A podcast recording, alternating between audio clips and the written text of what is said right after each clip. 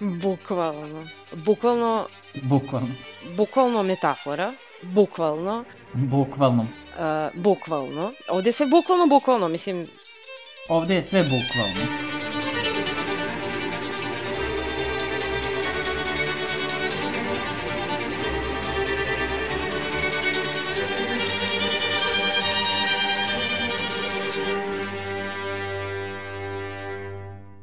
Zdravo, dobrodošli u još jednu bukvalno podcast epizodu. Sa mnom su Mira Zdravo.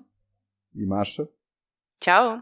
i moja malenkost Kristijan. Uh, u ovoj epizodi radit ćemo jedan film koji je obeležio 2022. godinu od strane režisera Rubena Oslunda, zove se Triangle of Sadness. Uh, to je film koji se bavi teškim ljudskim temama i uh, dosta je samosvestan i pre svega jako je svirep i sirov i do te tačke realističan da može gledalcu da izazove jako velike nelagode. Uh, bavi se svime onime što sad trenutno ne valja u čovečanstvu, od uh, ljubavnih tema do jednostavno velike granice između siromašenih i bogatih, uh, šta, šta je svrha luksuznog načina života i ovaj, uh, predstavlja stvarno jednu malu revoluciju. Pa, devojke, pošto smo svi odgledali ovaj film, kako se vama svidao? Mhm. pa, uh, ok je. Čini mi se da prečesto govorim za filmove da su ok.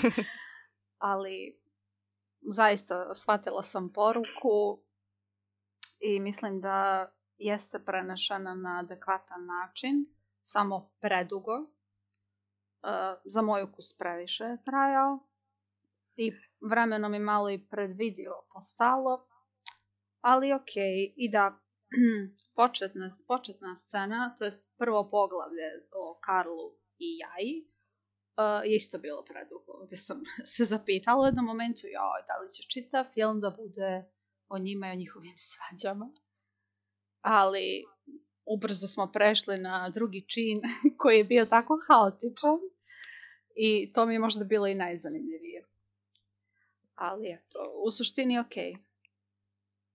Ne, ne, ne znam da li da kažem da je najbolji film 2022. Ali s obzirom na to da nije bilo ni pre, prekvalitetnih filmova, rekla bih da jeste među boljima. Uh, pa meni je to slično kao i ti. Znači, ok je film. ali nisam nešto oduševljena u smislu prvo to što si rekla da predugo traje, stvarno predugo traje. A što se tiče te, tih segmenata filma koji, da kažemo, ugrubo ima tri segmenta, stvarno je najzanimljiviji taj srednji segment na brodu, naročito je, jedna scena. Ja mislim da ne trebaš da spojluješ tu scenu, treba svi da se iznenade. Možemo da pa, spomenemo ajde nećemo je spojlovati.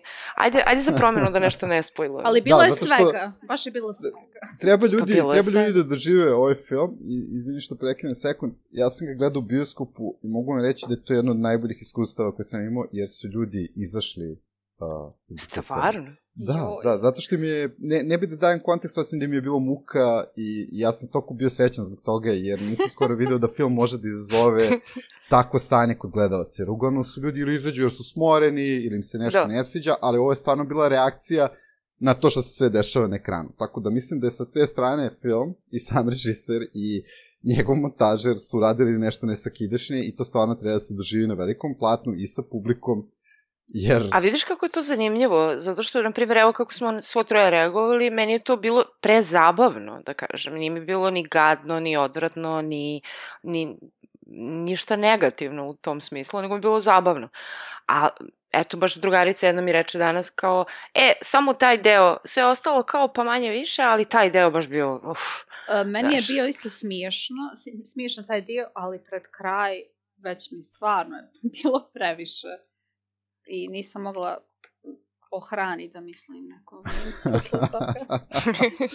o da, o da. Pa meni je, meni je bilo to prezabavno zato što je pokazao jednu vrstu versatilnosti sa režijom i montažom, te stvarno izaziva taj osjećaj, uh, ajde, opet ne želim da otkrijem puno, jednostavno nelagodno je, neprijatno je za gledanje, stvarno se vidi neke stvari koje se ne viđaju često na velikom platnu I ima jako crnohumorni i komičan tajming, jer e, to je, E, to. Je, to je jedan skeč koji traje pola sata, ali E, je to, tako to. dobro inkorporiran u sam film, da jednostavno ne možete da skrenete pogled. To je ono kao kad gledate ono, desit će se neko najteže sranje i jednostavno svi gledamo i samo gledamo i, i kako će se to završiti i jednostavno nas, uh, nosi nas ta scena i nosi nas ti likovi koji se dopaljuju. I meni je tu Da. fantastično što su svi bili sjajni. Znači, to je ono jedan ansambl glumaca, čak i ovi sporeni koji su tu kao statisti, da kažemo, svi su bili odlični. I ja nisam vidio ni jedan drugi film prethodne godine da je imao tako nešto dobro osmišljeno i isplanirano i izvedeno na velikom platu. I stvarno sam baš zbog tog isto ovaj momenta gde sam vidio i publiku koja reaguje na toj premijeri, inače bio ovaj festival autorskog filma u pitanju. Stvarno je par njih izašlo napolje jer im je bilo muka. I na, na tome bih ostavio, ali ono, skidam kapu, e, nisam skoro doživio tako nešto bioskopu, jer uglavnom su ljudi nekako, ono, ili, ili uživaju ili ne. I to je to. Ali ovo je baš bilo Da. nešto specijalno. Ili negoduju nešto. Pa ili dobacuju, da. Često Da. se i to dešava. Kad im se ne svidi film, onda kao kažu kako je ovo sranje, šta se ovo dešava, mislim. Ali ovoga to, ovde toga nije bilo i zato mi je bilo interesantno da je u stvari zaista nešto izaz, izazvano i da je bilo nelagodno ljudi. Što je super, jer ono, kao dobro imati reakcije. Da. Ove, a da, tela sam samo da kažem da meni je nekako, kako je to upakovano, što ti kažeš Miro, taj prvi čin ili prvi, prvo poglavlje gde, gde imamo to dvoje likova Karli i Aja, uh, to je predugo trajalo samo po sebi, uh, kako da kažem, uh, nije kao taj srednji deo koji nam se sviđa, koji isto kao prošireno traje neko vreme, ali onako ta, to trajanje doprinosi komičnosti te scene, a ova scena je nekako kao, kao neko, dobro, shvatili smo šta sad, kao, ponavljate isto, mislim, shvatili smo. Da, svađate I što ti se. kažeš, kao sad ako oni stalno to budu, znaš, međutim onda se promeni kao scenografija i druga je situacija. Ove, I onda upoznamo te ostale likove, na brodu smo i onda imamo ono, kao ceo taj jedan segment na brodu i onda imamo treći segment koji se dešava na nekom ostrvu, da kažem, na nekoj plaži, uh, koji opet uh, ima svoje komične momente i ono, ali opet je nekako uh, moj utisak kad se završio film da je sve nekako plastično usiljeno, da je nekako cela ta poruka filma je znaš, kao, zli, bogati ljudi, kao, ajde da ih prikažemo na najgori način, a, ovaj, kao, siromašni ljudi su dobri ljudi koji zaslužuju ne znam šta, i pa kao, ajde sad da vidimo kako to funkcioniše u raznim situacijama. Ove, I često imamo takve filmove, ali opet, meni se, na primjer, više sviđa uh, kako je Parazit to Da. odradio, a s druge strane i, i, i autor Parazita ima Snowpiercer koji je na plastičan način prikazao te klasne razlike, ove, pa mi se Snowpiercer manje sviđa od Parazita, ali ipak u Snowpierceru su nekako likovi nisu karikaturice, znaš, nisu neki predstavnici nečega, nego su bili neki likovi, ajde da kažem, tamo, ali opet ne volim to kad, kad... Radili smo mi onaj film Platforma ovaj, u podcastu, gde je isto to kao ta neka razlika prikazana tako na jedan plastičan način. Ove, tako da meni malo s te strane mi je film onako previše, kako da kažem, tumač. Da, nije ništa novo. To je već viđeno, samo što je u malo drugačijim okolnostima od, na primjer, Parazita. I Mhm. taj moment Tables Turn, ok, Da. jeste dobro urađen, jeste. Shvatili smo, žena koja ima praktične vještine je postala glavna. To je dobro. Vi ste ljudi puni para, ali ne znate da se snađete u životu. To je Da. dobro urađeno. Ona zna da Možete se se snađe. snađiti u životu samo kad možete tim parama da platite, ali kad... Jeste. Ali šta će ti Rolex na ostrovu? Mm, tako ne je. vrijedi ti ništa. Vrijede ti neke vještine. I, ok, to, to mi se sve dopalo, to je dobro prikazano. Ali isto sam i ja osjetila kao da previše se režiser fokusirao na to da iznese te poruke, sve ovo da, da mi svi to shvatimo, kao da nam malo to Kao da prvi put to neko prikazuje, Da. kao niko do sad nikad to nije pokazao nigde. Da, samo bih, ne znam, eto, to mi je nekako bilo prenaglašeno.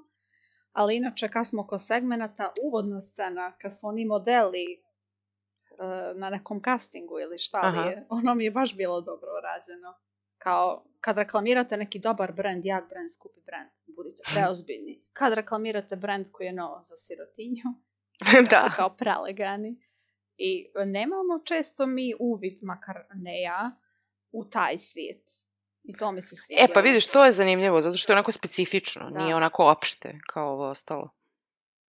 Pa mislim da ni, nisu baš opšte mesta ovde, ove, da uhvatio sve slojeve društva i prikazuje sve na jako interesantan način kroz uh, absurdistički humor. Ovde nije bilo poenta da on nama naceta i prikaže kako je ha ha ha, vidite kako su bogati glupi i kako su siromašni, ne znam, neslaživi. Uh, napravio bi jednu malu paralelu. Gledao sam skoro još jedan film koji, se, koji ima sličnu tematiku, ako je po Mhm. meni daleko lošije bio The Menu sa Annom E, Taylor-Joy i Nicholas. Holtom. Evo, ukratko, znači taj film se bavi, uh, bavi se isto višom klasom ljudi koji dolaze na ostrovo kod jednog svetski poznatog kuvara i on im sprema večeru. I mogu neke slične paralele da se povuku jer je sada trenutno postalo popularno i na malim i velikim ekranima da se prikazuju bogati i da se oni na neki način i smevaju, ali opet i da ih ljudi simpatetišu. Uh, mislim da je Triangle of Sadness daleko ozbiljniji film, jer se bavi prvo nekim ljudskim emocijama. Kao što možemo vidjeti, uh, počinje film sa, kao što ste spomenuli, sa Jajom i ovi, kako se zvaše, Karl. uh, Karlom, da, i sa njihovom vezom. I vidimo da ta veza baš nije na najboljem mestu, da ima nekih nesuglasica tu i u vezi para i u vezi samog odnosa. Mislim da je ona scena u restoranu i posle sve što se izdešavalo od, taks, od taksija pa do dolaska u hotel i njihovi razgovori ukazuju na neke neravnopravnosti, mislim, koje Da. postoje danas. I na život I- influencera. To, to, to, ali posle se onda prebacimo i na taj brod, jer opet imamo uvid u živote te posade koja mora da obslužuje sve te bogate ljude po nekom PS-u, znači bukvalno ne mogu da im kažu ne. Ja sam i sam nekad radio recimo u jednom jako dobrom hotelu, ne bi da ga reklamiram, jer je to biše posao. Jel to bio Beli Lotus? Ne, nije bio Bell Lotus. Evo vidiš, htio sam da spomenem i tu seriju, ali nadovezao bi se kasnije na nju, jer to planiram da pogledam u nekom momentu. I, ja. Pa da, to je taj isti fazon, samo što, uh, izvini što te prekidam, Mhm. to je ono što meni nekako, kao da, kao da sad počinje da bude mnogo sadržaja koje se bavi time, filmovi i serije, uh, i onda htjela bih da porazgovaram zašto je to tako i šta to znači, tako da vratit ćemo se na to posle. Pa, baš sam išao i ka tome. Mislim da je sada popularno da se priča o toj velikoj razlici između uh, bogatih i siromašnih. Jer kada pogledate, ekonomski svet nije baš u najboljem ono nekom stanju. I uh, što da ne, mislim, kao reklamiraš živote tih uspešnih ljudi koji žive tako sa zlatnom kašikom i ono kao žive najbolje i onda kao mi ih uvek gledamo kao neku vrstu monstruma, a opet koji mogu da budu ono, simpatetični. To se vidi recimo u HBO seriji Succession, vidi se uh. -huh. u ovom uh, Triangle of Sadnessu, gde imamo recimo fantastičnog Zlatka Burića kao ruskog ovaj, uh, multimilionera Dimitrija, koji lepo objašnjava kako je došao do svega toga.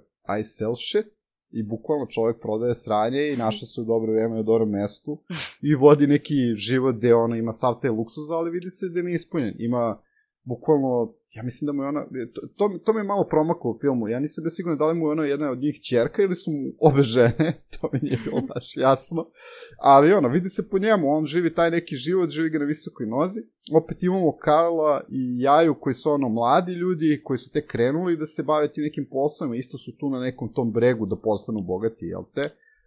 A nisu baš na naj, naj, u najstabilnijim odnosima. I opet imate i ostale članove tu koji se nalaze. Imate i ljudi iz posade koji samo žele da rade svoj posao da bi ono, zaradili za taj krov nad glavom. Ili imate onog programera simpatičnog koji jednostavno pokušava da nađe svoju ljubav, a ne može jer ne može stigne od posla jer jedino je to u čemu je dobar. Ali to su ta opšta mesta koje, koje sam ja pomenula, gde ti Mhm. imaš kao uzeo si uzorke nekih ljudi iz njegove vizure, uh, gde naravno da je on ruski oligarh koji prodaje, ne znam, čime se bavi, Uh, Govnima, šta on radi, beše govnima. nešto sa... Za govnima, pa sa E, pa to, znači, Pa ko? kao baš bukvalno to je uzeo. Onda imaš onaj par uh, ovaj, koji, Britanci. motorci koji su kao cute, ali prodaju oružje. Da. Onda imaš tog programera, kao eto, igrača. programer ovo ono, imaš uh, ovaj, njih dvoje, mladih, koji naravno šta bi bili one influencerka, a on je model, i kao, kao da je to komentar na, na, na znaš, kao uzeo si uzorak i sad su svi takvi, znaš, ono, Ove, kao ono kad sad dođemo mi, okupimo se i onda kao žalimo se na, na neku grupu ljudi i onda uzmemo to kao neki primer cele te grupe ljudi i kao eto, svi su sad takvi. Ove, I zato kažem da su mi, mislim, ovo funkcioniše u kontekstu filma koji je ono prilično absurdan. Ove, I taj humor i sve to. I zato i ja kažem da je dosta plastičan film, ne znam koji bolji izraz da upotrebim. A, I to funkcioniše, ali kao m, u globalu mi je to nekako, znaš, kao kao ni Don't Look Up film, eto, ne znam, na to mi možda E, sam, najviše To liči. sam počeo pola sata da gledam i moram da priznam da je to jedan od najloših filmova koji prvo nije bio ni smešan, a druga stvar ugasio sam ga posle pola sata jer Amerika da uđe sebi u guzicu i žele da kritikuju, ne znam, i levičare i desničare i da se bave krajem sveta. Ne sam, ne, ne, mislim da njihov humor nije na nivou naspram evropskog ili ostatka sveta. Znaš, To definitivno, ali me A, zanima, na primjer, šta da. vi mislite, kao šta, šta ovo znači u kontekstu, konkretno, ovo je evropski film, ovaj režiser, ovo mu, ja mislim, druga Zlatna palma, ali tako? Pa, On je za dobio i prethodni za- The Square, The Square je dobio, Da. mislim, čak i nominaciju za Oscara. I Squ- Square je inače Da. odličan film jer se bavi umetničkim svetom i tu isto dosta iskarikirao stvari. Da. O, mislim da je on na dobrom tragu jer kada pogledate malo bolje, redko ko se bavi više humorom i komedijom na tako, ovaj, da kažemo, crnohumorni način. Jer svi uvek kada nekoga izrugavaju ruglu, sve je to nekako dovedeno do granica šećernog humora da niko ne de Bože bude uređen. A ovde je sve dignuto ono na hiperrealnost. Uh, Mhm. sve, sve je preterano, ali recimo meni, pošto meni takve stvari prijeju i volim to da vidim na filmu, ove, mislim da je uspešno to uradio, jer kad se sagleda čita film, ima tri čina, a sva tri čina su postavljeni kao da kažemo uh, poduži skečevi koji dobro E, funkcionišu, da, jer, ide, bravo. jer ima neki ritam koji, koji prati i fora ne prestaje, ne, ne, ne postaje dosadna fora, nego fora samo se uziše, ide gore i gore i gore i onda ti čekaš da vidiš dokle može to da ide. Uh, koja je granica u stvari koju će probiti, a stvarno film do kraja ide ono u teritorije velike, velike neprijatnosti i mislim da ono što ponekad ljudima smeta kod takvih filmova što ne dobiju baš sve odgovore, što je po meni super jer treba i mi da razmišljamo o tome šta se izdešavalo kad pogledamo neko delo. Ovaj, ali mislim da sve to jako dobro funkcioniše i pride, dosta pripomaže u stvari tehnički aspekt filma, a to su montaža i kinematografija. Mislim da nisam video bolji film koji je izežiran u smislu da, iako su statični dosta ti razgovori, stalno se nešto dešava u kadru. Da li je to namešteno iz određenog ugla, da li Mhm. imamo brze rezove i ove, tu sekvenciju iz drugog dela, ove, u kojem baš, baš ne bi pričao, mislim da ljudi stvarno treba da se ove, oduševe kad budu pogledali film nekom prilikom. A, mislim da je jako autorsko delo. Znači, nije on samo nešto prekopirao i stavio, hej, ja ću sad samo da potkačim određene grupacije ljudi i da bacim drlje i kamenje na njih. Uh, to je kao što sam ono krenuo da spomenem. U domeniju se isto bave time kao viši sloj ljudi, siromašni ljudi i ljudi koji rade za sve, za sve njih. Taj film je recimo jako trapav i jako nekonzistentan i ima neki usiljeni humor. Mislim, Amerikanac ga je pisao. A ja sam se još najviše razočarao što je to tip koji radi na tom Successionu, koji mi se sviđa kao serija i koji se isto bavi da, kao Succession porodicom je baš-. Ima neki svoj fazon koji ni jedna serija nema. Uh, Baš je onako ti ljudi, u tom ti ljudi smislu. razgovaraju kao što niko ne razgovara u stvarnom životu i jake su rečenice i uvrede koje šalju jedni drugima. Tako da Mm. Succession zbog toga treba da se gleda i sjajne raspodele uloga. A ovaj Ali film- meni nekako više prija taj absurd, Mhm. absurd uh, Successiona. I ta, taj humor. Dobro, Ove, dobro. A ovaj mi je humor, ne, ne mogu to da definišem, ne mogu da ga opišem. ne želim da kažem da je loše, daleko od toga, ali kao da n- nešto mi tu neštima, nešto mi je veštačko, nešto mi je nakalemljeno, znaš. Nekako... Pa ne znam, nisam imao taj osjećaj, zato što Uh, sviđa mi se što je podeljen po činovima prvo, jer to je, meni čak deluje kao neku vrstu predstave, jer uh Mhm. -huh. da budemo iskreni, njemu mi nešto previše sad ono mesta gde se to dešava. Upravo si, ovo bi Dosta bilo je- odlično kao predstava, da. Dosta je, dosta je kamerno u suštini, tako da na da nekom stage i da su svi ti ljudi koji su gumili u filmu tu, mene bi to opet bilo sjajno jer ono kao uživao bi u tome, ima dosta dobrih napisanih dijaloga, uh, humor zaista funkcioniše u mnogim scenama, čak i fizički humor, a njega ima dosta, a to je Mhm. nekako isto teško preneti, jer može da pređe neku granicu dobrog ukusa i, i da ode u totalno neku drugu trajektoriju. Ali može, može i Mira nešto da kaže na tu temu, jer mislim, volio bi da čujem i njeno mišljenje. Ovaj, uh, Mira nam se učutala. da, da, da, da. A što se tiče humora, ono, okej, ni- nije mi nešto spektakularno. A što se tiče toga kako je podijeljeno u tri čina, to mi se dopada.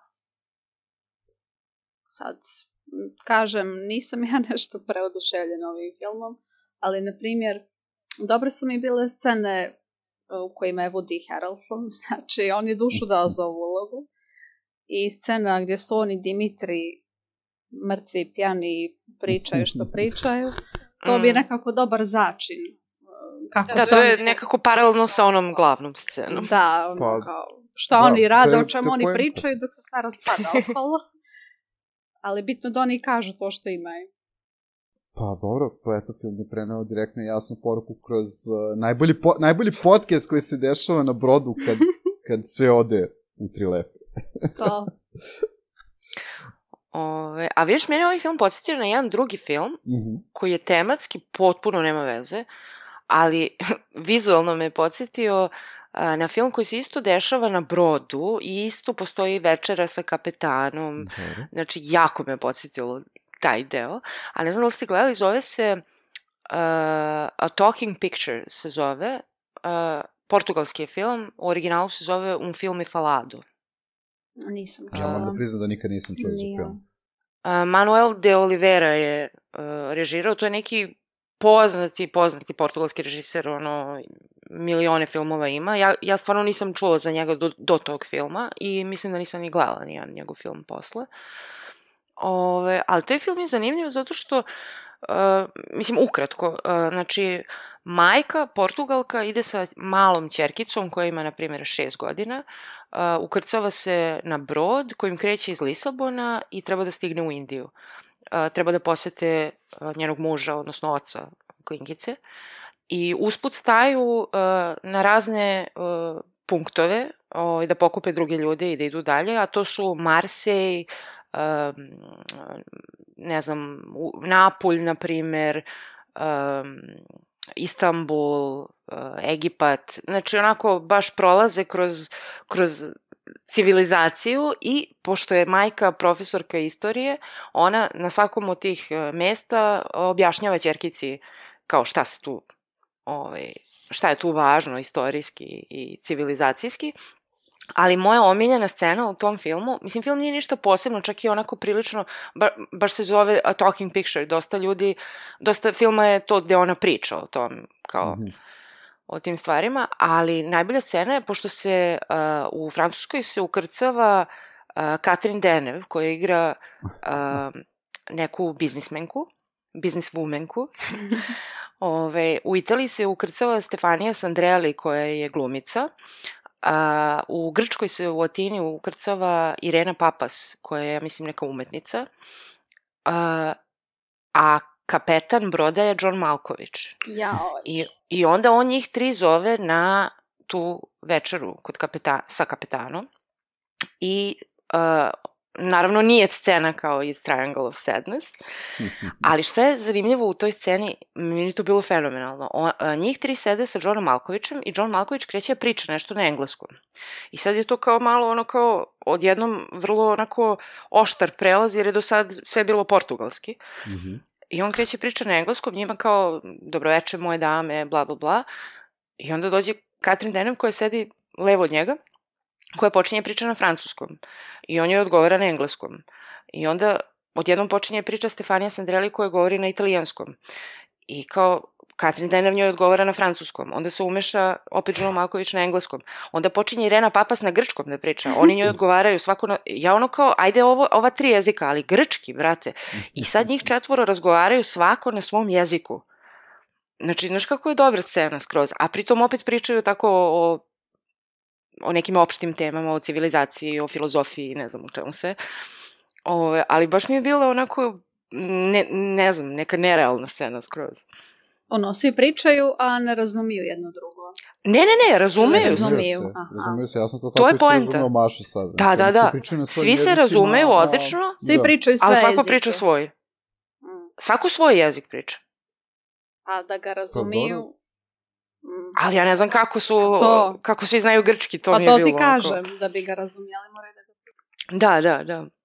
I dobro, ovaj, zanimljivo ne znam, probat ću da Nisam iskopam ga- tu scenu nisam negde, pa da vam nisam ga pošaljem. gledao, ali Mhm. deluje zanimljivo film, znači nešto kao polu, da kažemo, dokumentaristički. Jel Pa, te, znaš kao kako izgleda kao neki turistički film, eto. Turistički. E, da. Bukvalno obilaziš sva ta mesta, znaš, imaš kadrove tih gradova i ona ti priča. Bukvalno kao da si uključio ono audio, onaj uređaj da slušaš malo. To je Wim Kad- Wenders style. Dobro, pa road, road trip movie samo što je sa brodovima. Samo što je boat trip movie. Da, da. Pa zanimljivo to zvuči, to bi, to bi moglo Ovaj, da kažem, pogledam. probat ću da iskopam tu scenu, hoću ja da je pogledam ponovo, to kad pričaju. Ovaj, bi Može, bilo može. zanimljivo. E, ali vidiš, sad bi se ja vratio na tu scenu kapetana i kada uh, treba se desi ovaj, ta večera u drugom segmentu. Uh, meni je super, a stvarno je super taj moment, pošto uh, da dam mali kontekst. Woody Harrelson glumi kapetana koji inače većinu vremena zatvoren u svojoj sobi i izlazi napolje, svi pokušavaju da ga izvuku.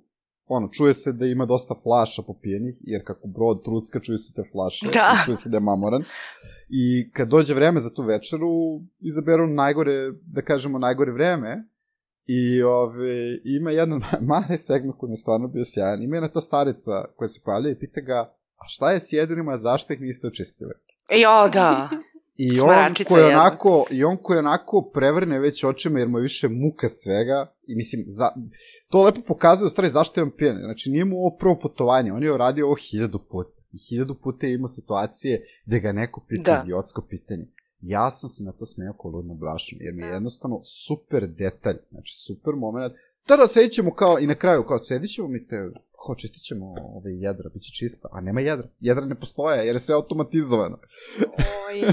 I ono što traži da ona i ne bude od posade tu, kao ne sviđa se njoj to. E, Pa dobro, to, to daj malo zbog konteksta, zato što Karl i Jaja, kao što smo rekli, oni imaju malo ljubavnih problema većih i dosta nesigurnosti između jednog i drugog. I ovaj, u suštini imate jedan moment, to mi je recimo zaista bila super scena, gde on nju nešto slika za taj njen profil, pošto je ona influencerka, jel te? I tu je sad ta posada muška koja je došla tu nešto da radi na palubi i jedan od njih je, da kažemo, jedan onako dobrostojeći, zabrđeni tip koji se malo ovaj, više otkrije. I njoj se on svidi, naravno kao upad u svoju nesigurnost i prijavi ga. Ali to opet govori koliko je on pogrešio, jer ono, možda je mogu kroz neku priču to da reši s njom, a nije mora njega da košta njegovog posla. Ali ovaj, ima super tako tih nekih sitnih detalja film. Ovaj, Da. Slažemo Bavi se bazičnim ljudskim emocijama i mislim da zbog toga više vredi, jer koliko god ide u te absurd i karikira sve, uh, ostaje dalje te najnormalnije ljudske crte koje svi imamo. Nesigurnost, nezadovoljstvo, strah. Sve to je jako prisutno tokom čitavog filma i kod svih likova. To jeste. Slažem se, ima takvih momenata koji jesu absurdni i na neki način možeš da se povežeš da li ti iz nekog svog iskustva ili prosto nečega što je oko tebe. Poput tih nekih njihovih nesuglasica. Pa onda kapetan koga je smorilo više da sluša besmislene zahtjeve tih bogataša. Ima, ima momenata. Mm. E, nisam znala, ja sam tek nakon filma saznala da ova jaja, to jest djevojka koja nju glumi, da je preminula te godine. Da. Stvarno? Ja to nisam Da. znala. Jest. Shelby Dean, nažalost, on je imao neki par filmova za sebe pre ovog, a mislim na, da je ostao u životu. Ovaj film bio je verovatno otvorio velika vrata, jer ovaj, A šta se desilo? Uh, mislim da je neka komplikacija zbog neke operacije ili nečega. Da. Nisam sigur, nisam sad siguran jer nisam zalazio u to, ali znam kad sam gledao film da mi je neko rekao tad u tom momentu, hej, ova devojka je inače preminula, ja sam bio stvarno pa mlada, ja mislim šta se tu desilo. Da, mene to baš valjda- šokiralo. Pa da, i šteta, jer uh, ona je, izna, ona i ovaj Harris Dickinson, njih dvoje su stvarno, mislim, svi su bili fantastični u ovom filmu, ono, svako je doprinio na svoj način. Ali šteta što je ugašena jedna, i ono, jedna mlada potencijalna zvezda koja je mogla da napravi ko zna koliko još dobrih uloga i filmova iza sebe. Da, Tako da, Baš tužno. nisam, nisam znala to. da, da, da, da. Šteta, šteta. A, šta sam te da vas baš pitam? Pa dobro, a, e, ajmo, ajmo da se vratimo na temu baš zbog trećeg čina. Znači da smo svi, recimo, završili na tom brodu i da završimo na onom ostrovu gde su i ostali likovi završili. Da- Kao, ko biste vi bili od likova? Ne, ne, ne, ali kao šta biste uradili, ono kao meni je bilo jako to interesantno, jer u stvari vidi se tačno da neko ljudskoj prirodi da ono, mnogi ne žele da rade neke nebezične stvari ili, ili ne umeju, ono kao ne znaš da naložiš vatru, eh, ne znaš da uđeš u plićak i da pokušaš da, unu- da uloviš Da, meni je ribu. zanimljivo, niko nije ni pokušao, ono, vrati. Pa da, oni su navikli da drugi rade za njih, E, pa da služe. E, e, Ne znam, ja često imam to da kažem za neke ljude, ono kao, brate, da bude apokalipsa, ovaj čovjek ne bi pertlu znao da veže, ono. Ove, I tako i nekad gledam neke ljude, naravno niko nije u tom ekstremu, ali ove, postoje ti neki ljudi koji, koji se ne bi baš najbolje snašli na pustom ostrovu. A sad, što se mene tiče, ja nemam pojma, ja kao, bila sam u izviđačima, kao, znam neke, ono, bazične stvari i svakako bi pokušala nešto, naravno. Ali, ne verujem da bi baš bila ono kao beznadežni slučaj, ali Pa Ne ja, ja mislim da bih se snašla relativno, ovaj, nije da imam nekakva, nekakve vještine spektakularne, ali sigurno ne bih spavala s nekim džedom, da bih imala za perece. e, to, to.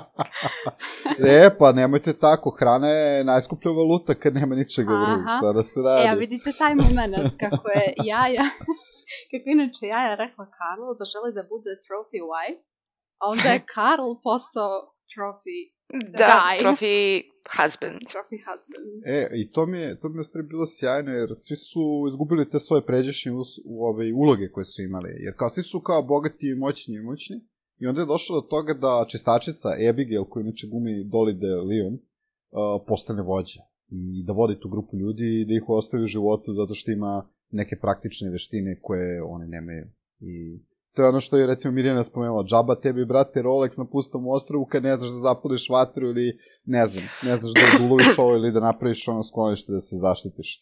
To, Tako da, i to je bilo jako interesantno, jer ono, meni je kod Harrisa Dickinsona, koji glumi Karla, bilo super, jer videlo se tačno u njegovom liku da on više ne zna ni sam šta hoće, da je ono, na milosti i nemilosti, pa možda bolje jesti te grisine i to, ipak Abigail daje i mali komfor, jel te, onaj brodić u kojem su se svi štekali ili mogli da prespavaju u početku, pa se i ta pravila izmenila u suštini, zakon jačeg i snalažljivijeg je primjen. Ove, na tom Da, ali opet je poruka, vidimo da i ona kada je ono postala top dog u toj Mhm. situaciji, da i ona se ponaša loše, kako da kažem, e, pogotovo na kraju, ono, sam kraj filma, ove, želi da održi svoju poziciju, ono. Pa da, zašto bi se neko vratio da bude opet čistačica kad može da bude najbolji, najjači... na uštrb da drugih ljudi. Pa da, ali meni je to nekako... I sama ta činjenica, izvini, to što, Da. što ovaj, njega koristi, ovaj, je slično kao što su nju drugi ljudi koristili Pa, tako za je. razne stvari, tako da, Da, ona se nekako njima sveti. da. Pa dobro, nije da im se sveti, ona je bila i koliko toko pravedna, mislim, postavila neka pravila i šta se može i ne može. Tu su i neki od ostatka ekipe pokušali malo da isvode sa hranom i sa svime, pa su bili malo kažnjeni, što je, mislim, ono je okej, jer e, tačno se vidi da je svako gledao svoju guzicu na tom ostrovu, ono, kao najbitnije je bilo njihovo, ono, preživljavanje. Uh, meni je najsmešniji lik bio ona, bila ona žena, ja ne mogu da se setim kako se zove, što je stalno govorila na nemačkom, što je paralizovana. Aha, što ne može da... Ne može da, ne može da koda i što je govorila Himmel... Šta je go... Himmel, nešto da... Nešto u nebesima, u nebesima kad se prevede. Neki oblaci znači. na nebu, nešto. Da, da, da, da, da. Ona mi je bilo najzanimljiviji lik, jer ono, ona je mogla najgore da prođe, međutim, dobro je da je da. pokazao sam režiser neku vrstu ljudske empatije sprem nje, jer je delovalo kao da će ona najgore proći od svih likova. A nije to zaslužila realno, jer nije pokazao ni u jednom momentu da je ono loša osoba ili da je sebična. Ove, tako da, super je, super je u stvari što ima ta dinamika koja se konstantno menja između likova dok su na tom ostrovu i meni je recimo to činilo taj treći segment uh, jako interesantan. Ja razumem da nekome može to da bude malo previše statično i razvučeno, ali mislim da su dobre te ove, uh, dinamike i podele ulogama da dobro postavljene tokom trećeg segmenta. Da, nije bilo ono tipično, e, sad smo na nekom pustom ostrvu, sad ćemo mi svi da se udružimo, da budemo super ekipica, nego je Pa to nikad drugačije. nije na filmu i u serijama. Uvek je, pa, nikad stvarno, ja ne mogu da, da se udruži. Životu, ja mislim da je u stvarnom životu tako, jer ono kao svakog gleda sebe na kraju dana, pogotovo u toj situaciji gde je neizvesno da će se pojaviti neki spasilački brod ili da ćeš ići na druge ljude koji mogu da ti pomognu kad si nekoj ne dođe. Tako da, ono, i, na, i najgore i najbolje se tada ove, javi iz ljudske to... svesti. Ove... A kako vam se čini kraj? Pa, o, isto je absurdan kao i sve. Ovaj, um, pa okej, okay. opet, opet sve okej. Okay. Znaš, nije mi ništa sad to kao... Mislim, sviđa mi se što je izabrao taj put da da kao nije ono kao ta čistačica, da kažem, uh, ono, plemenito, bezgrešno biće koje kao eto igrom slučaja postala top dog, pa je sad odjednom sva pravična i sve je divno. Ove, ovaj, sviđa mi se da je izabrao taj put, ali kažem opet, kao i sve u celom filmu, ok. To je to. Meni je kraj bio jako efektan jer je ambivalentan. Jer u suštini ostavlja uh, jako veliku mogućnost interpretacije šta se sve izdešavalo na kraju. Pa meni ne, eto, možemo i o tome popričamo. Znači, e, sama činjenica dobro. da ona to pomislila, znači mi smo mm. to mhm. videli, samo nismo videli završetak toga, ali čak i da je to uradila ili nije uradila, opet je jako blizu toga da... Pa dobro, ali, ali Maša, to onda više govori možda tebi ili imaš neku pesimističku crtu, znaš. Jer ja, ja smatram da postoji da, možda. dobrote i da ne mora da bude uvek ono kao sve najgore u životu ili na filmu ili u stvarnom životu. Ja imam da. osjećaj da je Abigail samo mogla na kraju još više da se razjari kad je njoj jaja rekla pa kao, e, pa da. se izvučemo, pa da. ja ću tebi da pomognem tipa da radiš za mene, da čistiš za mene. E, e, pa mislim da je to kap koja pre... verovatno mi to nismo videli u filmu, ali pa, mislim da je nakon te rečenice da definitivno. Ja imam osjećaj da, da da.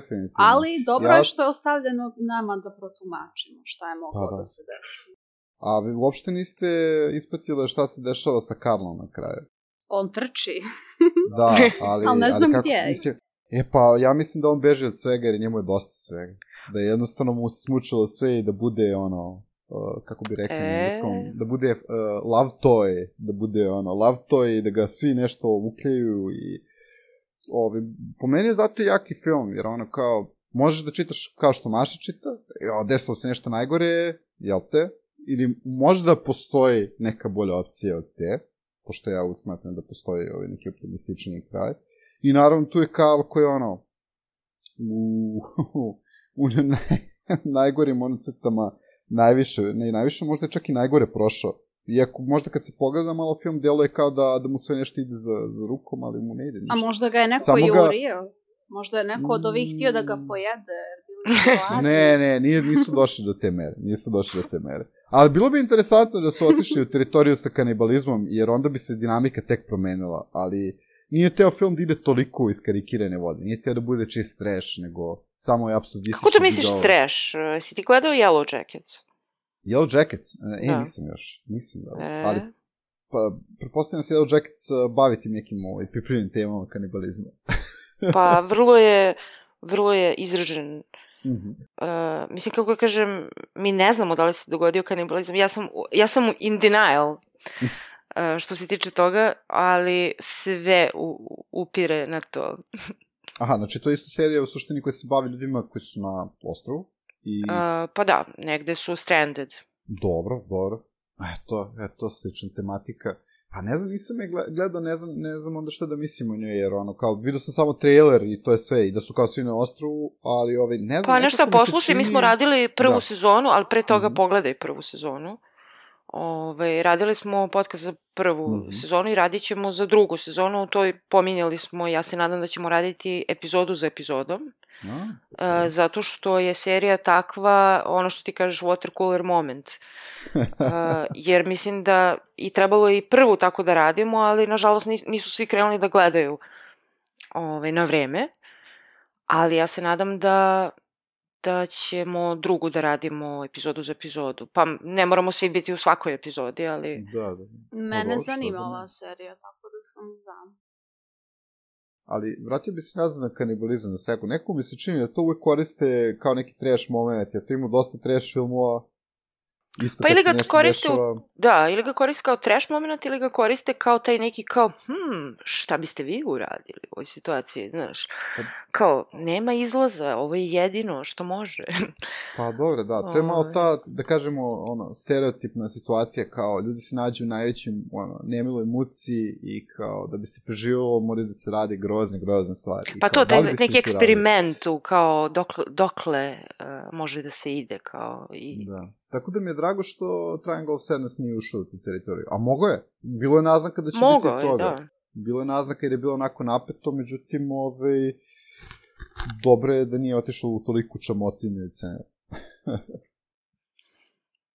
Mada to može da bude, ne mora bude čamotinja, ne znam, ima onaj film što su radili ovi, uh, što su radili South Park, Trey Parker i, kako se zove ovaj drugi? Matt Stone, da. Da, da. Uh, ja mislim da se to zove bukvalno ono tipa Cannibal the Musical ili tako nešto. I to je Mislim da onako to nisam Cannibal the gledao. Musical, mislim. Dobro. Nisam gledao taj, gledao sam Nisam. Orgazma i gledao sam Base Skateball ili kako se zvao isto taj njihov film o tom sportu koji ne postoji. Ima i onaj Team America, World E, Police. i to, i to. Eto. I naravno South Park, ono kao, pa dobro, nisam gledao te rane rade, ali mogu to jedan put da iščekiram, da vidim kako izgleda. Ali to je pretpostavljam trash, jel tako? Koristi se Pa mislim da, ko, Pa- ko, komedijica. Ne, komedica u, kane, u Da, kanalu. da, da, ono Mm, cute da- kanibalizam. Kao. Kao preslatko, kao, u, da prste da poliš. Uh. Da, zato kažem, ne mora da bude ono, mračno i gadno. Pa dobro, dobro, ne mora, ne mora. Ali ima par filmova koji koriste dobro tu tematiku. Ne znam da ste gledali nekad The Ravenous uh, sa... Da, to je jedan, možda sam pr, prvi put sam to gledala, što se bavi time. Taj Ja film je jako dobar i na ozbiljan način to obrađuje. Mislim, na ozbiljan način, na Southern Gothic način, ono kao... Tako da, to. A šta, šta, da li vam se svidela i muzika iz Triangle of Sadness? Ove trake koje su odabrali da idu E, ja se iskreno ne momentima? sjećam muzike. Ni ja. I Stvarno, žao mi ne je sad što se? se ne Da. sjećam, jer gledala sam ga prije dva mjeseca. Pa ne znam, meni je bilo počatljivo što su koristili neku ono opštu klasičnu muziku, što je bila obrada tog, uh, uh, mislim, švedskog benda Refused. Ja sam prvo mislio da su oni, oni se pojavljuju u onoj sceni koju nećemo da spojlujemo, Mhm. Ove, međutim, to je samo obrada i super mi je zadnja ova traka, Fred Again, uh, A da, kad nabraja da je izgubio muziku, da je sve stalo, nekako mi je ovaj, uh, neironično legla kao završetak, kao veseli završetak na sve što smo ovaj, proživjeli kroz ovih uh, skoro pa tri sata. da, toga se sjećam. Tako da, da, to dobro. Čudi me da, da nisu legle te trake, ali mislim da je to dobro ubodeno, jer ovaj gradi neku atmosferu i nisu bila baš neka opšte mesta, jer kao uglavnom kad se prave ovako filmovi, uvijek se zadaberu neke najbolje i najzanimljivije trake ili najveći hitovi iz te godine. Ovo, ovde su nekako urađeno na nestandardan način, tako da sa te strane skinem kapu. Mhm. A, ja sad vidim da je zapravo onaj film The Square, da ga isto režirao Ruben Ostlund. Da, da, da. Da, da, to je njegov, to je isto njegov... Pa to što smo rekli da je i za njega dobio Zlatnu palmu, Jeste. o, I samo što tu ima jedna- nominaciju. ima jedna velika razlika u The Square igra Class Bank, koga ja obožavam sad. Ove, i, I ne znam, jeste gledali možda, posljednje sam s njim gledala ovo Bad Sisters seriju. Nisam Nisam. gledao to.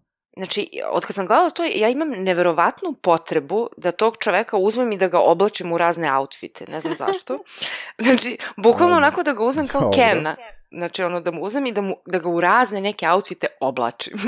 Ali Maša, Znači- imaš Witcher trojku, idi oblači Geralte ili... ili... Geralt, ne. Geralt je go. Geralta slačim, a ovoga imam potrebu da oblačim. Ove, jer ne, ne, znam, ne znam kakav je to king, šta je to, ali ove, Pa, super mi je on, baš mi je car. Uh, ja sam ga primetio u Northmanu kad smo pričali, Da. mislim da je tu bio odličan, iako nije neka velika uloga, ali njegov lik je bio jako interesantan time Jeste, i sve. jeste.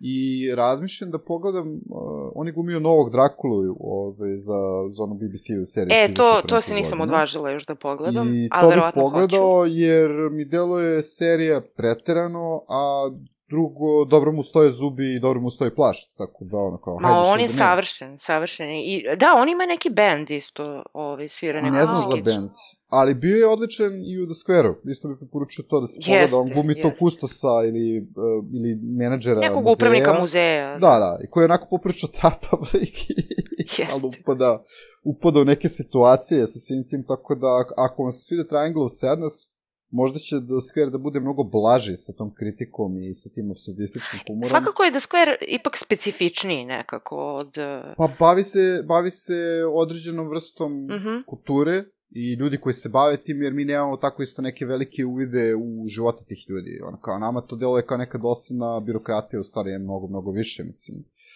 Uh, da, ali svakako Square isto preporučujem. Da, da, da, A jeste gledali onaj Force Majeure? Ne. Ja sam to Nisam prvo još. gledala. Nisam, Nisam još. još ni ja. To sam prvo gledala njegovo davno i to mi je bilo okej. I to, to je jako zanimljivo to što je opet specifična situacija i što je opet taj neki humor koji proizilazi iz tog nekog, da kažem, momenta koji se dogodio. I ono što mi je jako zanimljivo, naravno, Amerikanci su uzeli i obradili to, naravno, napravili Stvarno? remake. Jer prosto, kako mogu Amerikanci da gledaju sa titlovima.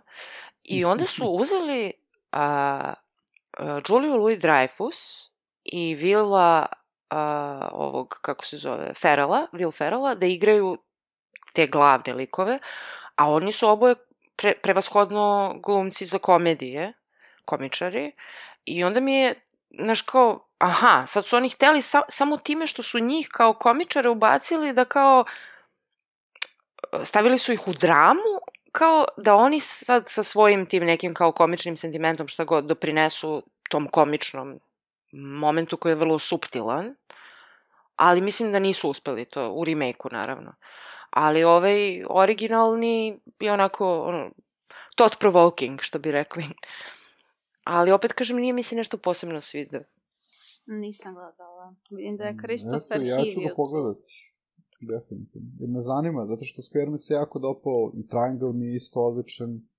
Uh, pogledao, pogledaš onda i taj. Ali baš me sad zanima, onda ću da skinem i- i remake, koji ću pogledati O- posle, baš da obavezno. koliko su, koliko su Ameri promašili. E, baš to. Obavezno pogledaj uh, oba, uh, pogotovo što ti se on sviđa kao režiser, Ove, a čisto radi uporedbe pogledaj i ovi drugi. Ja sam isto zbog toga, znaš, kao rekao, ajde vidim šta su. Znam da stalno, znaš, i oni Let the Right One In i to su E, obradili. to sam, to sam gledao, to sam gledao samo originalni film, nisam gledao remake filma, ali vidio sam sad da ima i serija, no, koja je u stvari remake inicijalnog filma. Ja sam što da ima serija, ali sam mislila da to nema veze s tim. Ne, ima, ima veze, s- O. veze sa, sa, to je sa knjigom, sa film, sa inicijalnim filmom, ono, kao nešto su opet pokušali. Meni je to jako za- zanimljivo kod Amerikanaca, ono, kao, izađe neki jako dobar film, recimo, ne znam da ste čuli, ali Parasite hoće da adaptiraju za američko tržište. Ja iskreno to ne bih volao da se desi zato što jednostavno imate nešto što je autentično za kore, koreance, jer jednostavno oni imaju nešto što oni doprinose njihovim filmovima, imaju tu neku atmosferu, kulturu, koju ja mislim da Amerikanci ne mogu da skinu. Um, Apsolutno. I ne znam, ne dopada mi se kod Amera što oni mnogo nekako pričaju, kad se bave tim socijalnim temama, nepravdama u klasi, Ma to skroz iz... pričaju i, prevede i se na je. njihovo, da kažem, Važno je, njihov sentiment nema- i onda se izgubi to glavno. Nema Mislim. prave emocije. Jednostavno je sve ono plastično. E da, sjetila sam se u tom, Mhm. ima jedna dobra stvar u tom američkom remake-u. Igra Miranda Otto, e, jednog A, lika. ona je gumila u gospodarima baš, ako se ne Da. tako? Jeste, je, Jeste. Jovajna. Jova, je, Jeovin, Jeovin, Da. Jeovin. Ovaj, kako se zove, ona, ona je ono stvarno komičan lik, uh, Mhm. za razliku od njih dvoje. Ovaj, I sup, ona mi je bila ono kao sveži povetarac u tom remake-u, ali ovaj, u globalu nije dovoljno. Da, mogli bi da se batale toga, Meri, ali... Pa očigledno vole i lakše im je to kao, znaš, Da. kao ovo je bilo uspešno tamo, ajmo sad mi. To Da, isto. da. Kao i kad prave so, svoje sobstvene remake-ove, ono. Stvarno, a šta su remikovali da je njihovo? Mislim, u smislu, misliš kao, ne znam, Pa kao Da uzmu neki film iz 80, pa lupam sad, evo sad remake-uju onaj Fatal Attraction, prave seriju, razumeš sad, ne znam, wow, Uzmu- znao. sto verzija imaš nečega, ono, ajmo opet to, mislim, Da. Nema ideja više, pa ajde da, Da. recikliramo. A dobro, nije da nema ideja, nego je njima verovatno lakše da se povežu ako je to već postojeći IP, pa da ne ode ono kao verovatno... da, ali sve iz ugla novca, korišćenja. znaš, Da, da. kako možda unovčiš to, a ne iz ugla kao daj da napravimo nešto kreativno novo. Šteta, mislim... Dok je u Evropi suprotno, u Evropi Da. to nemaš. Ti nemaš remake-ove u Evropi tog tipa. Pa imaš, uh, Haneke je radio njegov Funny Games... Pa to je- radio- To je recimo opet primer- američki remake, da kažem, i to je on malte ne ono prst u oko, kao evo vam sad da imate i vi, razumeš da možete da gledate. Pa I dobro, pritom je sam se- sebe čovjek se obradio. dobro- Pa da, čovjek se lepo zeza. Pa da, to, to je malte ne deo tog njegovog prvog filma praktično. Ono. Ali opet kažemo ovako da neko sad uzme posle ne znam koliko godina kao da uredi neki remake ne, nečega, pff, znaš, Ne znam, to nemaš remake-ci- kulturu toga u Evropi. Da, i redki su u stvari uspeli remici nekih starih i kultnih filmova. Ja jedino što mi prvo pada uvek na pamet je od ove, kao, ima da mu iskasapim to prezime, Luka Guadagnino. Guadagnino. Guadagnino? E, se tako izgovara? Aha, ja uvek hoću kažem tome. Guadagnino, a u stvari je Guadagnino. Guadagnino, ok, predivno. Suspiriju sam što je to. radio, jel? Naravno, Suspiria je jedan od najboljih ono remake ikad, u stvari koji nije ni remake, nego je film za sebe. Ono, Da. Kao, Meni se to jedino- nije svidelo. Stvarno, nisi Mhm. uživala u, u onoj količini ludila i neverovatnih Ali opet je on obradio scena. evropsko za američko na neki način. Pa nije onaj evropski film. Mislim, to Pa što ima par jeste, nekih, ali- što ima nekih par američkih glumica, to ne umanjuje činjenicu da je snimljen na evropskom tlu film. I da je ono većinski produkcija Radili smo to u jednoj epizodi, ovaj, Mhm. gde sam ja baš ono ishetovala taj remake. Ja ga nisam gledala i ne želim. Originalni jesam ofic, ali to me nešto ne interesuje. Generalno bježim od toga. Pa u ovom slučaju mislim da bi mogao da napiš izuzetno. Jer je totalno drugačiji film od, od inicijalnog. I plus ima priču, e, dobre likove, jezivu atmosferu i nevjerojatnu muziku koju je radio Tom York. Znači, Tom York, kad se Ima, da, ima momente, a uf, nemoj, nemoj sad mi podsjećaš me na to. znači, ono, kao kreće hejtujem Toma Mašin, Yorka. Mašin, Mašin Vijetnam je ovaj remix Suspirije kao, da kao čuju se zvuci i sve leti, ono kao, ah ne, kao. Ne, ali mnogo je smešna bila ta epizoda, zato što je Nataša, ja mislim da je ona predložila tu novu Suspiriju, ali mi smo spojili pa smo radili staru i novu. I, ovaj, I onda sam ja toliko hejtovala da je Nataša to tako lično doživjela, nekako. Ovaj, Dobro, Nataša baš, baš voli filmove. I Da, mislim da. da, da odatle to proizvede. Mislim, i to je okej, okay, ali na kraju dana, ono kao, svaki film, svaka serija koju mi gledamo je neko naše lično iskustvo. I uvijek Pa naravno. ljudi koji će da Jest. baci drlje i kamenje. Ja sam uvijek za to samo da se kaže lepo na verbalni način, da ne bude samo, e, ovo mi je samo sranje ili ovo mi je loše. Da, nego, bez argumenta. Da, da se obrazloži. Taj, taj razlog, to pojašnjenje u redu, to je tvoje mišljenje u redu, to je okej, okay, ja mislim ovako drugačije i ne Da. slažemo se, ali to je u redu. Ali ne Naravno. ono samo da dođeš, e, ovo je sranje, ovo mi se ne sviđa, to je malo... A zašto je sranje? Pa zato što je sranje. Pa zato što sranje. Kao, to je najbolji argument na internetu koji možete uvijek da iskoristite. Ovo je sranje. Ne sviđa se. Kao mali zli ljudi s interneta koji kuckaju besno Da. u svojim tastaturama. A mi smo mali ljudi s interneta koji pričaju u mikrofon. Ali mi O, imamo da. neke argumente. Trudimo se. Trudimo Trudimo se. se da, da vodimo diskurs, tako je.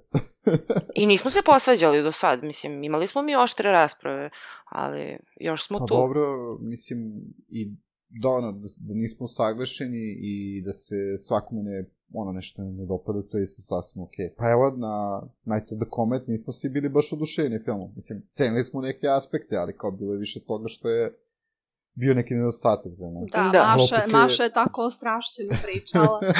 A mi ono... Pa eto, Ali onda- eto. Okej.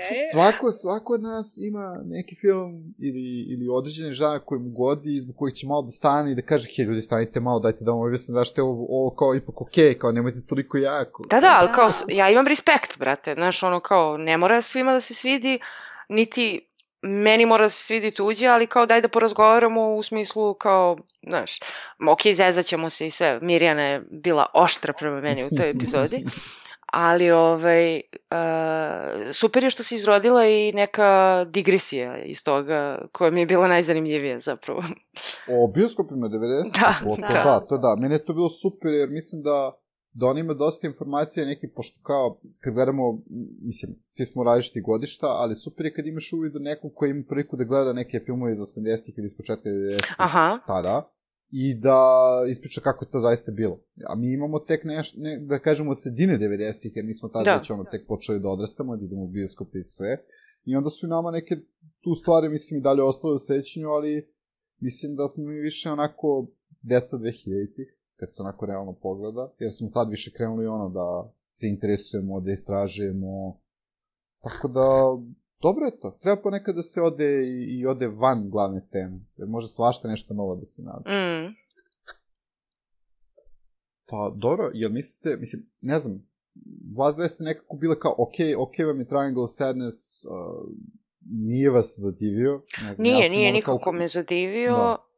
Ove, ne znam za miru, ali opet, to kad kažem ok je, to je meni ono kao ravna neka crta između, znaš, ono kao, Mhm. nije mi ni loš film, ima momente, uh, ti momenti su mi super, ali opet u globalu to je to, nije ništa specijalno sad. E, Sve dok tjera ljude na razmišljanje, za mene je to pozitivno. E, Bez obzira na to što je ideja obrađivana, nema veze. Mi smo pogledali različite filmove na tu temu. Neko drugi možda nije. E to, da, Za neko drugi će drugog. možda Jeste. ovaj, da, da se više poveže ili prvi put da vidi nešto ili ne znam, da se susretne. I meni je to i drago, na primjer, zato što toli, od toliko ljudi sam čula, na primjer, e, idem u bioskop, šta gledaš? Triangle of Sadness. Znači, gomila ljudi mi je to rekla i recimo to mi se sviđa, zato što kao, e, ne idu da gledaju nešto ono kao, Opšte. ono, Mislim, hollywoodski ili ono je hollywoodski da. aktuelno te nedelje, pod jedan, a pod dva ljudi idu u bioskop kao strava, razumeš? Da. ono?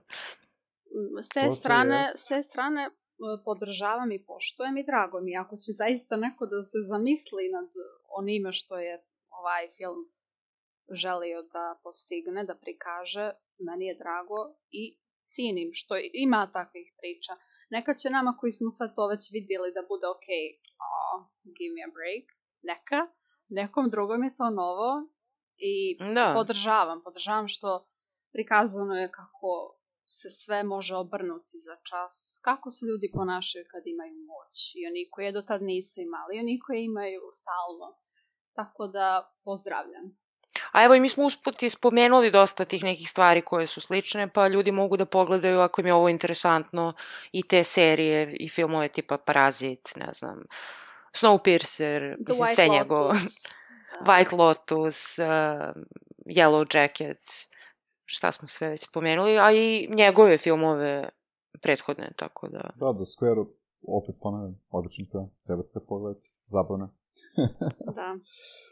Ove, pa cool. Mislim, ne znam, ja, za mene je film bio baš neko super iskustvo, jer kao što ponavljam, potpomoglo je to što su reakcije publike bile jako interesantne. Jer kao uglavnom, kad se danas, ne znam, idu bioskop, uvek primetim, mislim, ako su hollywoodski filmi, ljudi često nešto ni ne reaguju i ono kao sve mi jedno, ali kad se pojavi tako neki film koji je onako malo van nekog tog kalupa, ovaj, učini stvari interesantnim. Uh, I druga zanimljivost koju bih teo da dodam, oni iste te večere kad je bila premijera, kad sam išao, ja sam bio na drugoj projekciji koja je išla odmah posle prve i obe projekcije su bile rasporedne. Znači da ipak postoji veliko interesovanje gledalaca da gledaju filmove koji ne dolaze samo direktno iz Hollywooda. Znači može nešto iz Evrope, mogu i azijetski filmovi, indijski, uh, da ih privuče i ono, da, da gledaju i da ostanu. I još jedna zanimljiva činjenica je bila što su doveli Zlatka Burića, koji glumi Dimitrija, koji ima mali govor na kraju i dobije 15 minuta ovaj, ovacije. E, nice. I čak se lepo i šalio, kaže, a mi smo se ovde nešto kao icimali, napravili smo taj film koji vi možete čitati kako želite i nadam se da smo vas zabavili kao. I kao ono, najjednostavnije, onako prizeman tip čovjek. A on mi se inače jako dopada jer ovi, možda, možda je nekad spomenuto, možda i nije, Nicholas Winding Refn sa Puš, uh, Pusher trilogijom. Mhm. On je tu glumio ovaj, srpskog nemilosrednog uh, mafijaškog bossa. Ovaj, A mislim da si to ti spominjao. moguće? Negde u moguće. nekoj epizodi. Vrh. Moguće i uh, ko nije gledao tu trilogiju treba bi, jer to su isto jako interesantni filmovi koji su snimljeni sa jako malim budžetom, a, koji su izgurali mnoge glumce, što danske, Mads naravno Mikkelsen. i eto naše. Mads Ne, Mikkelsen meni i je Tim sada- Bodnia. Mhm. A, Da. Claes Bang mi je glavni danac. Meni Mads. Ništa, Maša, Maša mora da unajmi neki program da, da napravi, uh, ubuci mi... Obucite da obučem- Banga. Ubucite Claes Banga, neka aplikacija i onda kao može svaki dan da se igra sa tim, da ono kao... Da, evo, mi baš sam sad, mnogo je smešno, kupila sam sad nekoj drugarici, uh, detetu njenom za rođendan, kao Mhm. magnetno nešto, kao neki dečak i devojčica, kao, znaš ono, obucite cicu, što je bilo ranije, Da, ono, taj neki da. fazon. Ove, imaš magnetnu odeću koju možeš da oblačiš kao njima, da menjaš. E, tako nešto da se napravi za Claes Banga, može. Može, može, eto. Daj, daš im ideje internet, neko će da pokupi ovu ideju iz podcasta i napravit će pravu stvar, vidjet ćeš. Neće ljudi stati samo na to. Predobro. Ove, ne znam, pogledajte Bad Sisters, stvarno, ove, možda ćete vi imati tu potrebu nakon toga. Ili drugu, da ga slači. Dobro, šta ko voli. Ja bi samo preporučio da Northmane da pogledate, jer je tu bio... A, Northman obavezno. odličan. Evo, Mira je pomenula na početku da je ovaj Triangle of Sadness, s obzirom kako je siromašna godina bila prošla, jedan od boljih filmova, ali Mhm. Northman je meni lično najbolji film od prošle godine i treba da pogledaš. Gledat ću. Planiram Da, stvarno. Pa nam Biće- prenesi svoje utiske. iskustvo. Hoću, Da. hoću. Ove, pa dobro ljudi, ne znam, uh, mislim da smo dosta toga pokrili o samom filmu. Uh, generalno je konsenzus uh, između između i ono kao go for it. Da, da, uh, ono, ti si najviše za film, a nas dve smo okej, ono kao, može. Da, da, pa ne, ne, ba, to tako, to je u redu, treba, zato što ponekad ako je neko ono u, stilu kao, ma, okej, ovo, ali nije me nešto pogodilo, možda natire nekoga, a kad smo svi ono u stilu kao, ma da, ovo je zbog toga i toga najbolje, možda baš zbog toga ne zainteresuje ljude, tako da, ono, konta psihologije, da će se Da, da, da. moment. O, Čekaj, pa niste mi re... ajde onda ja da hejtujem, ajde sad da okrenem se naopad. da bude ra- ravnoteža neka. Ove, to možemo da ostavimo, Maša, ako hoćeš kad budemo radili uh, Heathers, možeš tada hejtuješ. Pa ne mogu da hejtujem Heathers. to će mi biti jako teško. Pokušaj, kao potrudi se da ideš mimo, mimo svoje ljubavi s tog filma. Naći će se neko kao- drugi da hejtu. A, Na, možemo da. zvati Mirjanu, uh, moju sestru, da nam se pridruži, ona će sigurno to da hejtuje. mm, definitivno. Već, već vidimo ono kao extra, extra, read about it.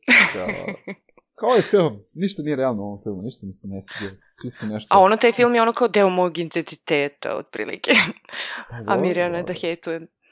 A, ja mislim da je to nekad problem uh, kad se ljudi bave isto filmom, da se bave bilo kojim vrstom pisanja, imaju ljudi koji ne vole da, da, da, da odlaze nešto što je totalno baš ne, nerealistično ili komično. Ili kao moraš da budeš ono duboko dramski orijentisan da to bude ili neki patos, a ne možeš da odeš onda kao neku lakrdiju i kao da, Mm.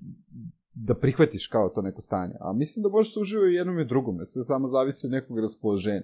Nekad ti A mislim ono... da isto postoji, a, na primjer, a, kako da kažem, veliki spektar u tome, zato što, na primjer, Mirjana, ona, Mhm. na primjer, neke stvari koje su kao trash ili nešto što bi kao ja predložila za ovaj podcast, Da, da. neke od tih stvari ona voli, ali ne mogu da ukačim kad voli, kad ne voli, znaš. Ove, I svako od nas ima neki različiti senzibilitet i um, pa i Dejan u krajnjoj liniji, ovaj, ne podudaramo se mi Da. uvek tu, znaš, i onda, u- onda mi je uvek zanimljivo da čujem to obrazloženje zašto to sad kao ne funkcioniše iz njihovog ugla, a opet i kao, i ja isto nekad nešto što, ne, ne znam šta smo ono radili kad si ti Kristine rekao, ja sam mislila da će Maši ovo da se, a pa Eating Raoul, Eating Roll, da. E. Da. Koji meni isto kao, okej, okay, mislim, Ne, ja sam mislio da je, da je bliže tuom senzibilitetu, jer koliko sam razumio iz priče i kad sam vidio šta ste obradili, neki od tih, tih starijih trash filmova, mm. mislio sam da, mislim, Eating Roll nije skroz trash, jeste kempi, ima kemp utice, da, da.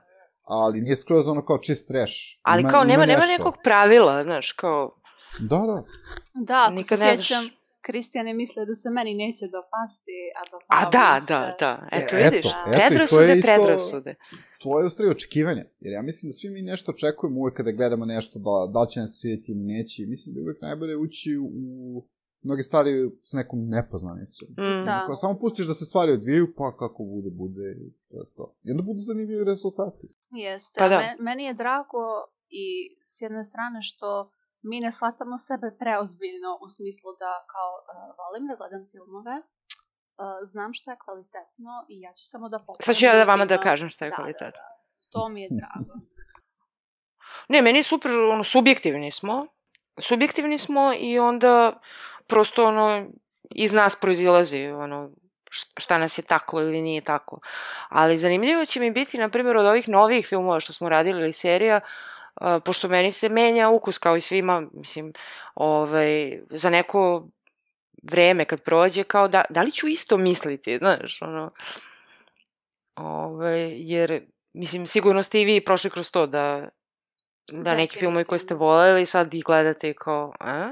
Da. Pa, ima, ima dosta toga, uh, ja recimo ne volim, ako mi se neki film baš svideo, i gledao sam ga kao tinejdžer, uh, ne bih volao da ga ponovim da ne bi kao narušio to neko sećanje, kao što, jer znate kao što ste stariji i više sadržaja pogledate ili se više interesujete kako se nešto napravi, počinjete da uđete sve mane. A onda nešto što je bilo nekad drago može da postane jako gorko slatko i da ne bude više zabavno. Ja sam recimo imao taj taj problem sa, mislim, to je po meni jedan od omiljenih ono kao filmova koji nisu ni horror, nego je on slapstick komedija Army of Darkness koji je kao treći u nizu Evil Dead serijala. Mhm.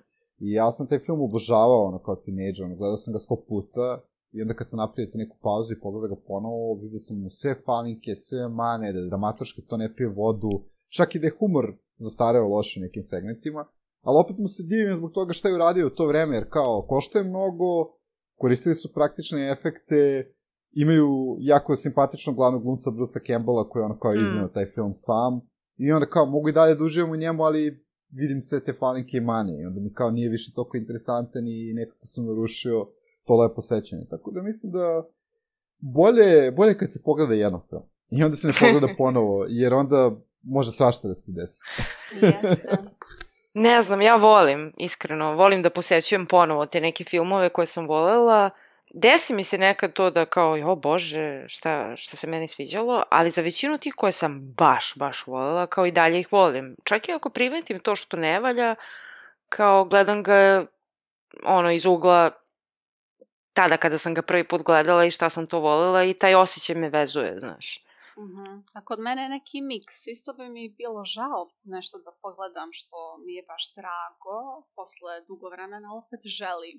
Tako da kod mene je Mm. pomiješano. Naprimjer, serija Merlin, koju sam baš davno gledala, je u suštini nije, nije kvalitetna, ali baš bi mi za tu seriju bilo žao da je pogledam opet, jer znam da ću naći 101 manu, tako da ono...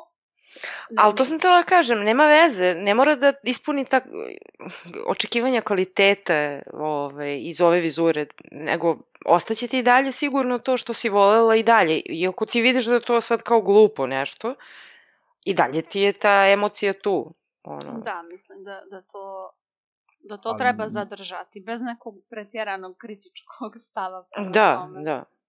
Dobro, da, ali mislim da, da se ono kao pokori nekako sve. Ne znam, ja barem tako pojmam filmove, ja volim da gledam sve te neke aspekte, volim da vidim kad je nešto dobro uređeno i kad je van vremenski, kad mogu da mi sratim i da pogledam ponovo. Ali opet me nekako i smori sama činjenica da nije sve uvijek dobro i da naravno kad ga pogledaš iznova, nema te prve magije koje se osjeti u prvom momentu, jel? Mhm. A nekako mislim da je taj osjećaj isto jako vredan kod samih filmova i serije, jer onda ostanem to nekako sećanje, da smo kao fazon, ok, sla, sla, sla, slatki tračak nostalgije, jer je bilo toliko dobro, ajde da ga ne kvarimo, neko ostane tako kako jeste, Yes. nek bude to što jeste, mislim, kao. Jer e, treba čuvati tako neka lepa sećanja, mislim. Da. Cool, i opet smo, opet smo otišli malo u krajnost, ali nema veze. Neka. Neka, neka, treba, treba. Ovo je, ovo je slobodan prostor, treba da se priča i ne samo o filmovima, nego i o raznim drugim stvarima. Jeste. Slažem se. Ove, pa ne znam, ili imamo još nešto da se vratimo na temu ili smo ispričali sve što imamo, Kristijane, ili imaš još nešto?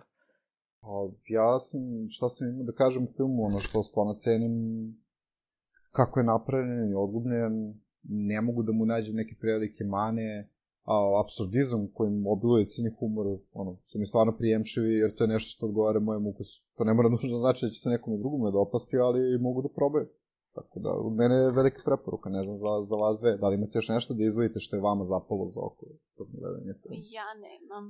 Pa ja ne, isto. Mislim, re, rekla sam sve što sam želela. Za, uh, sačekajte, u 2023. Class Bang, obucite ga kako god poželite. dobro, dobro. Pa ništa, onda možemo polako da privedemo i ovo kraju. Uh, ništa, drago nam je što ste slušali bukvalno podcast uh, i čućemo se uskoro sa novom emisijom i novim filmom, ili čak serijom, vidjet ćemo. Saznaćemo. Izvlačit ćemo, izvlačit ćemo i šeširiće papiriće, pa šta padne, padne. Važi. Tako da, eto, prijetno slušanje i slušamo se i dalje. Ćao. Ćao.